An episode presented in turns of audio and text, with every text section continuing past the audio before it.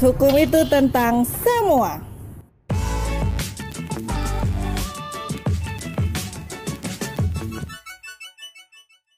Kembali lagi di Hits Hukum itu tentang semua Bersama saya Bagas Dan saya dia. Nah kali ini Bu Apa? Ingat nggak Bu? Minggu lalu kan kita baru ngepost Ya, ingat. Ngepost konten Youtube kita tentunya ya Yang tentang Hak asuh anak akibat orang tua yang bercerai Tahu nggak Bu? Enggak. Nggak tahu kan? Ih, saya mau ngasih tahu nih.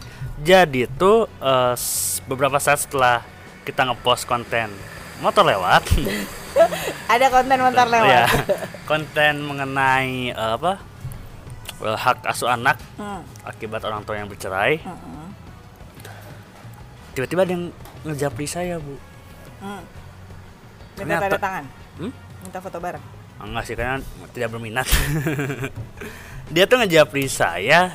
eh, dia awalnya basa-basi dulu lah, basa-basi netizen lah. Wih bagus konten lu guys, lanjutkan terus gitu. Terus GR. Hah? ya saya mah ya terima kasih. Gitu. Sebagai youtuber yang baik kita harus respon kan.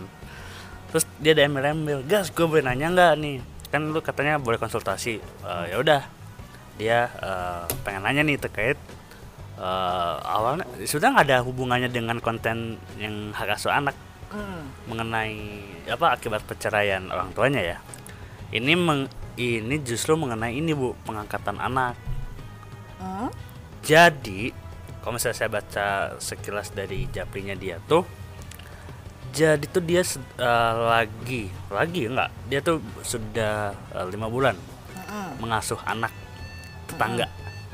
Jadi dia melihat, ya dia karena eh, rendah dengan rendah hatinya gitu dia mengasuh anak orang lain. Hmm. Alasannya karena orang tua kandungnya itu sudah tidak bisa menafkahi lah, misalnya tidak bisa menghidupi anak ini. Jadi Hmm. teman saya ini dengan rendah hatinya ya udahlah, istilahnya saya eh, kasih eh, saya asuh dulu, Hmm. dikasih fasilitas apa pun gitu. Tapi eh, dia belum ada kepikiran untuk menjadi eh, dijadikan anak angkat gitu. Hmm. Anaknya Nah. masih di bawah umur. Anaknya masih di bawah umur. Kalau udah satu tahun kan kayaknya beda cerita itu. itu kayak bukan Pacarin. Iya itu maksud saya. itu maksud saya. Nah, usut punya usut, eh, dia ngechat, eh tadi dia ngejapin nanya, gas, kok gue sayang ya sama anak tetangga gue ini. Hmm. Tapi kan gue selamanya cuma ngasih ya secara ya kebutuhan dia gitu. Tapi gue pengen ngangkat anak nih, misalnya anak tetangga itu pengen dijadiin anak eh, angkat gitu, anak adopsi gue gitu. Itu prosedur hukumnya gimana sih? Terus dia juga udah ada alasan izin lah, sisi izin dari orang tua kandungnya juga gitu. Hmm. Dia mau nanya, sebenarnya eh, dengan dia mengasuh anak itu eh, sama dengan sama nggak sih bu dengan kayak hak anak angkat gitu, Mengasuh anak mengasuh anak. ya beda. beda ya Kayak gini loh, kalau kalau ngasuh itu ya ngasuh hanya memelihara Iya gitu. Tapi bentar kan- bu jadi bro eh, ini dijawab sekarang aja ya nggak usah dijapri Padahal karena dia- saya belum sempet balas belum sampai tambah bingung dia balas ya. ah, enggak belum sempet karena Oke. banyak DM yang masuk. Berharapnya sih begitu. Tapi banyak banyak banyak masukan masukan gitu. Jadi sorry banget baru balas di konten ini. Ah, langsung kita balas. langsung kita bahas. Ah, jadi menarik ini soalnya. kalau ngasuh anak, babysitter juga ngasuh anak, guys. iya saya juga ngasuh anak ibu nemenin Iya, anak nemen- saya, jagain anak saya. Artinya kalau kalau ngasuh itu siapa pun bisa mengasuh. ah, Ya, misalnya eh, dititipin. Eh, titip ya. eh, saya pergi dulu sebentar, tolong bantuin jaga ya. Itu kan dia membantu mengasuh ya. benar Tapi kalau eh, dia sudah ada penetapan eh, anak angkat yang ditetapkan oleh pengadilan, artinya itu ada kewajiban, ada hak, ada tanggung jawab yang secara hukum itu muncul dan eh, ada hubungan hukum antara orang tua angkat dengan anak angkat. Mm, mm. Walaupun dalam hal ini tuh nggak berarti langsung oh hubungan dengan orang tua kandung tuh menjadi hilang. Hubungan kekerabatan itu menjadi terhapuskan. Enggak. Tetap ada kekerabatan dengan orang tua kandung. Ada tapi ada sebagian hak dan kewajiban yang beralih ke orang tua angkat. Hmm, jadi mah tetap tidak menghilangkan ya hubungan dengan si orang tua kandung. Ini Enggak dong. hanya secara hukumnya saja ya. Ah, ah, hanya secara hukum. Karena kan sampai kapan pun si anak itu tetap anak anaknya bapak dan ibu kandung. Orang Iya, yang bener. ngelahirin ibu kandungnya kok Iya. ya kan keturunannya ada keturunan bapak kandungnya masa tiba-tiba hilang gitu kan nggak nggak nggak nggak nggak begitu Nah bu, Hmm. mm, mengenai hak, hak anak angkat ini, Mm-mm. Eh, sebenarnya teman saya tuh lebih nanya terkait prosedurnya sih gimana sih kalau misalnya kita mau mengangkat anak gitu. prosedurnya Iya, Eh, prosedurnya. itu eh, gini kalau pengangkatan anak itu prosesnya dengan mengajukan eh, permohonan permohonan ke pengadilan negeri yang wilayah hukumnya meliputi eh, wilayah tempat tinggal pemohon artinya si calon orang tua angkat Hmm. Oh. Nah, ya, ya, terus eh, mengajukan permohonan didaftarkan ke pengadilan Hmm. melalui eh, ada kan kalau ada di PTSP itu kan eh, bidang perdata kan, Hmm. bagian perdata daftar tuh ke bagian perdata. Bagian perdata ya? Ah, ah, bawa eh, permohonan. Hmm. Permohonan itu sih sebenarnya sama kalau seperti eh, gugatan ya, ada identitas yang dalam hal ini identitas eh, pemohon Hmm. uh, ada posita atau fundamentum petendi, ada petitum. Nah, kalau uh, posita ini isinya uh, pada pokoknya tuh dalil-dalil yang menguraikan alasan-alasan uh, dia mengangkat anak. Lalu siapa sih nih anak yang mau diangkat ini siapa? Gitu. Apa Hmm, alasannya? iya, iya, iya. Uh, jadi nama anak gitu ya, terus uh, tanggal lahir, identitas si anak lah ya. Jadi panjang ya prosedurnya pengangkatan anak ini. Panjang. Jadi harus diuraikan itu Iya. semua. Lalu ada juga uh, diuraikan dasar hukum, dasar hukum yang membenarkan uh, pengangkatan anak itu dilakukan. Uh, setelah itu dibuktikanlah Hmm. uh, dalil-dalil itu dibuktikan, misalnya akte kelahiran, terus Betul. tadi misalnya ada surat pernyataan dari orang tua kandung, itu itu apa namanya banyak lah tergantung dalilnya positanya pemohon tadi intinya pemohon harus membuktikan mbak ke- kemampuan dia menjadi orang tua angkat Dan lagi-lagi dengan adanya pengangkatan ini diharapkan anak juga mendapatkan kehidupan yang lebih baik ya. Ya, salah satu salah satu alasannya ya antara lain itu sih yang Hmm. bisa untuk eh, apa kehidupan anak yang lebih baik, baik secara ekonomi, secara mental ya, psikologisnya juga lebih baik. Itu bisa menjadi salah satu alasan yang dituangkan di dalam posita. Nah, selanjutnya eh, pemohon mengajukan eh, petitum namanya. Nah, Ah. petitum itu pemohon memohon untuk ditetapkan sebagai orang tua angkat dari anak yang bersangkutan itu tadi. Oh. Ah, ah, jadi udah ada identitas uh, identitas pemohon, lalu ada dalil-dalil di dalam posita, yang Ah. terakhirnya petitum untuk ditetapkan sebagai uh, orang tua angkat. Setelah ditetapkan sebagai orang tua anak, eh orang Eh, tua anak, anak. ditetapkan sebagai orang tua Angkat. angkat, maka iya. Uh, orang tua angkat itu mempunyai hak dan kewajiban terhadap anak angkatnya itu. Jadi Hmm. uh, udah jadi anak. Gitu. Jadi nanti itu kan kita ngajuin permohonan, nanti keluarnya penetapan kan. Penetapan. Dan tadi juga kalau misalnya teman saya kan domisilinya di Bandung bu. Mm. Berarti kalau misalnya tadi sesuai dengan domisili eh, pemohon, orang calon orang tua angkat, Mm-mm. berarti teman saya tuh mengajukan eh, kalau di Bandung, berarti pengadilan negeri Bandung tuh yang di Jandiau betul? Betul. Oke, paham, paham, paham. Nah bu, nanti tuh kalau misalnya udah dikeluarin penetapan nih, Mm-mm. eh, ada tambahan nggak sih di, di akte lahirnya si anak itu, atau mungkin malah dibentuk eh, akta kelahiran baru gitu? Akta kelahiran itu nggak berubah, gas. Akta kelahiran tuh ya tetap di akte kelahiran yang pertama kali diterbitkan pada waktu anak itu habis lahir. Jadi ada nama orang tua kandungnya, iya. dia gitu. Iya, jadi kan anak lahir. Hmm. Anak lahir ini kan eh, diurus nih eh, apa namanya akte kelahirannya. Lalu kan di akte kelahiran itu ada nama, ada Hmm. Betul. tanggal lahir kapan gitu Betul. kan, terus ada identitas ibu bapaknya. Hmm. Itu nggak berubah. Walaupun sudah terbit penetapan anak angkat nggak berubah. Nggak boleh malah, nggak boleh dirubah. Nggak boleh. Nggak boleh karena itu asal usul anak. Nanti ada catatan pinggir namanya gas. Nah di catatan pinggir Hmm. itu menerangkan bahwa berdasarkan penetapan pengadilan nomor sekian. sekian Hmm. sekian gitu kan bahwa anak yang bersangkutan itu yang namanya ada di akte kelahiran itu telah menjadi anak angkat dari misalnya pasangan suami istri Y dan Z gitu. Hmm. Ya itu namanya catatan pinggir. Tapi tidak boleh mengganti terus yang lama itu tiba-tiba dibuang gitu. Enggak enggak terbit. Ini dilampirkan di belakang akta kelahiran itu. Iya, bi- eh, biasanya Maksudnya secara bersama-sama gitu. Ya, ada surat keterangan, eh, catatan pinggir gitu ya, ada surat catatan pinggir atau di eh, biasanya di print di belakang eh, apa namanya akte kelahirannya, Hmm.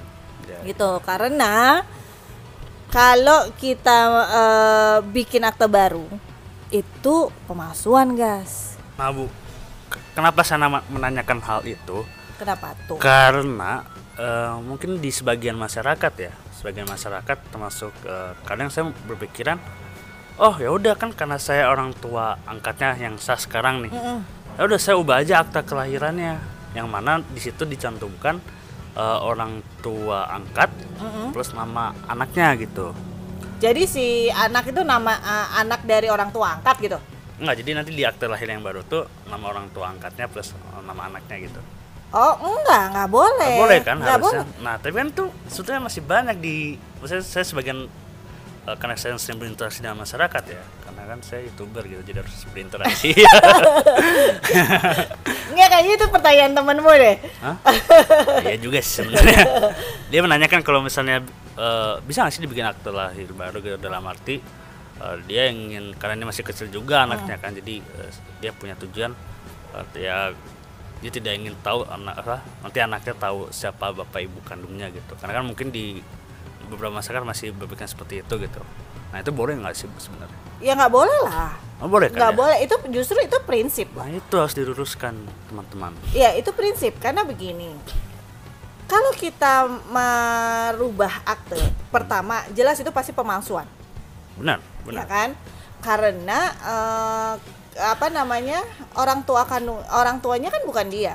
Nah dan prinsip yang kedua kita itu nggak boleh menggelapkan kita itu nggak boleh menghilangkan jati diri asli seseorang. Ya soal jati diri itu nggak eh, salah salah besar kalau kita menutupi. Gitulah kita menutupi kenapa? Eh, kita nggak boleh menutupi. Kenapa bu Kalau ada yang tadi- krusial nih Iya, kalau tadi yang satu eh, berarti itu kan pemalsuannya. Yang Hmm. kedua gini, misalnya nih guys, ambil contoh ya, kamu anak angkat, Hmm. misalnya ya. Tapi kamu kan nggak nggak tahu ya, misalnya kamu dari eh, dulu namanya Bigis, jadi namanya Bagas. Ya. Akhirnya kamu dirubah namanya. Terus eh, nama kamu ada akte kelahiran yang eh, nama orang tua yang kamu pikir orang tua aslimu ternyata itu orang tua angkat. Ya. Hmm. Eh, lalu someday eh, kamu ternyata sudah jatuh cinta yang jadi bucin yang nggak bisa lepas gitu ya, ya yang tergila-gila dengan satu cewek Ya. dan ternyata cewek itu tuh adik kandung kamu. Wadidaw, berarti saya ganteng ini. Kenapa bisa jadi dia ganteng? Eh, Adiknya aja seperti itu. Jadi eh, ternyata itu adik kandung kamu. Hmm. Kan artinya kamu eh, kalau kamu sampai menikah, artinya kan kamu menikahi adik kandung kamu dan itu incest kan? Incest kan? Betul, dan itu dilarang secara agama maupun secara negara. Heeh, terus Iya. motor gedenya lewat. Ah.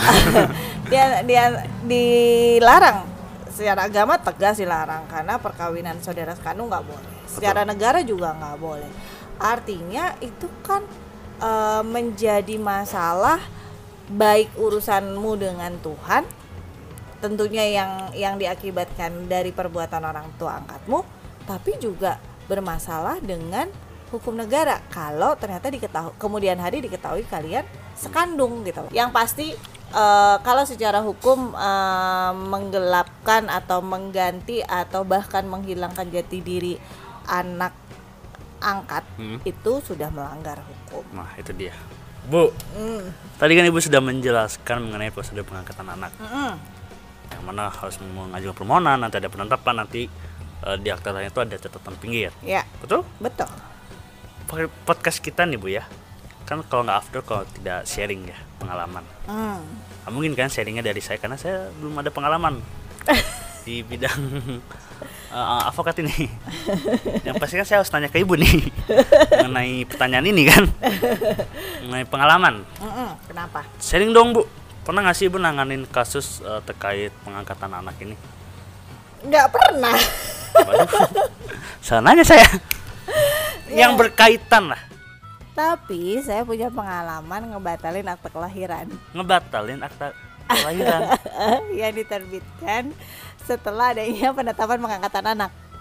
Itu nggak nyambung sama tapi kita nyambung, ya. nyambung, nyambung, ya nyambung. Jadi gini, Alkisah, Nyambung banget karena karena nggak kalau misalnya nggak ada pengangkatan anak nggak akan ada pembatalan. ya, Di sini kan. ya. Jadi eh, temen sih teman, Hmm. dia bilang, eh pertanyaan sama kayak kamu, eh lo pernah nggak sih eh, apa namanya ngurusin pengangkatan anak? Enggak. Oh, ini dia diam. Kayaknya dia mikir kali, Ah. ya nggak pernah gitu kan. Terus emang kenapa? Kecewa. Kecewa. Emang kenapa? Nih eh, anak gue Ah. itu kan aktenya ada dua. Hmm.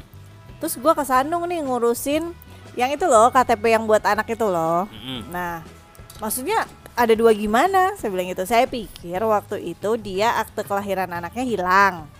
Terus kan kita bisa minta salinan kan. Nah, tuh salinannya udah terbit. Ternyata yang dikira hilang tuh ketemu. Nah, itu kan artinya kan ada dua kan. Saya pikir begitu. Ternyata enggak, memang ada dua. Jadi eh, ceritalah, ceritalah eh, kenapa ada dua. Ternyata itu guys, eh, teman saya ini orang tua angkat Hmm. berdasarkan penetapan pengadilan. Hmm.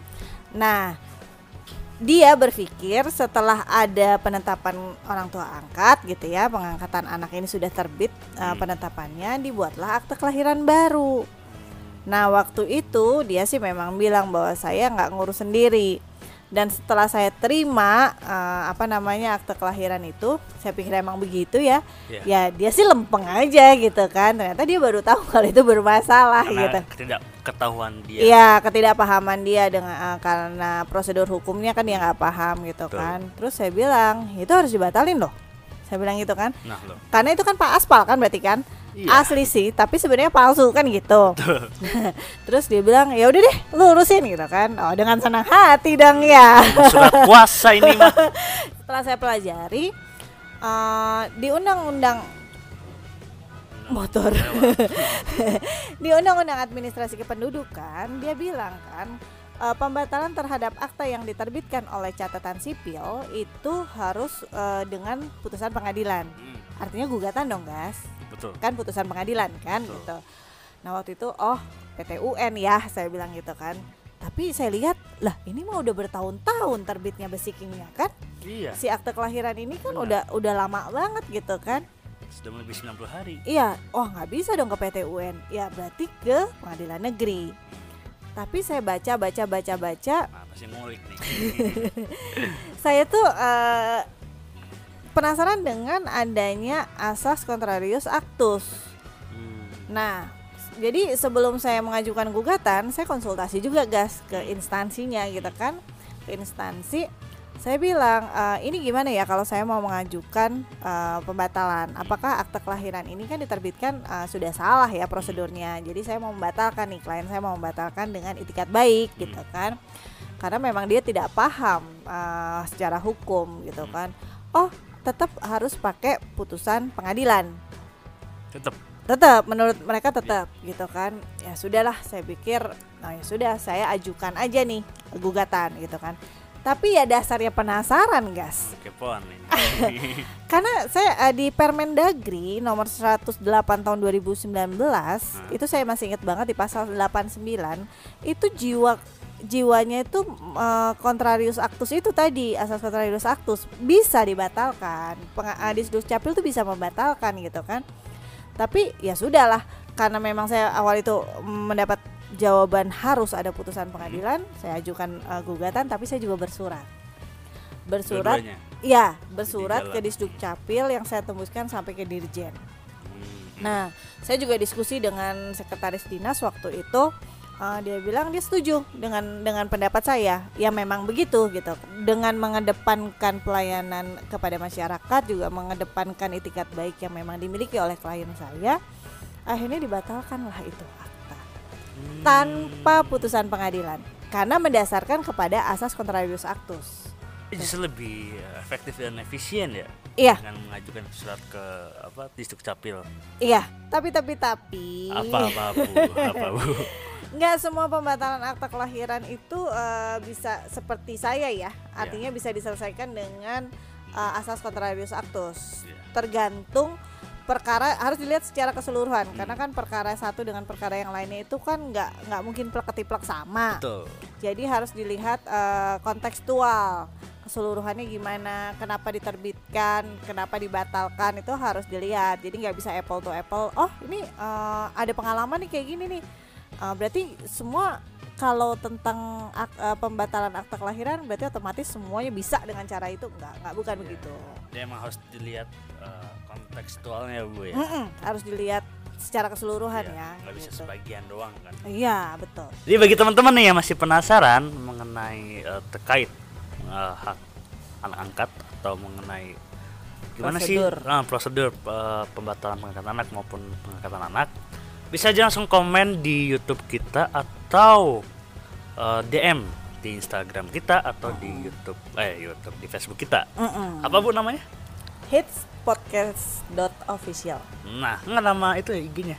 IG saya, Iya. IG saya dia dot hits. Nah, IG saya Antonia underscore Bagas itu penting ya karena kemarin dapat kan tadi Eh, DM, eh, ah, ah, boleh. DM. Nanti nanti eh, langsung kita jawab di konten selanjutnya. Iya, karena sibuk kita.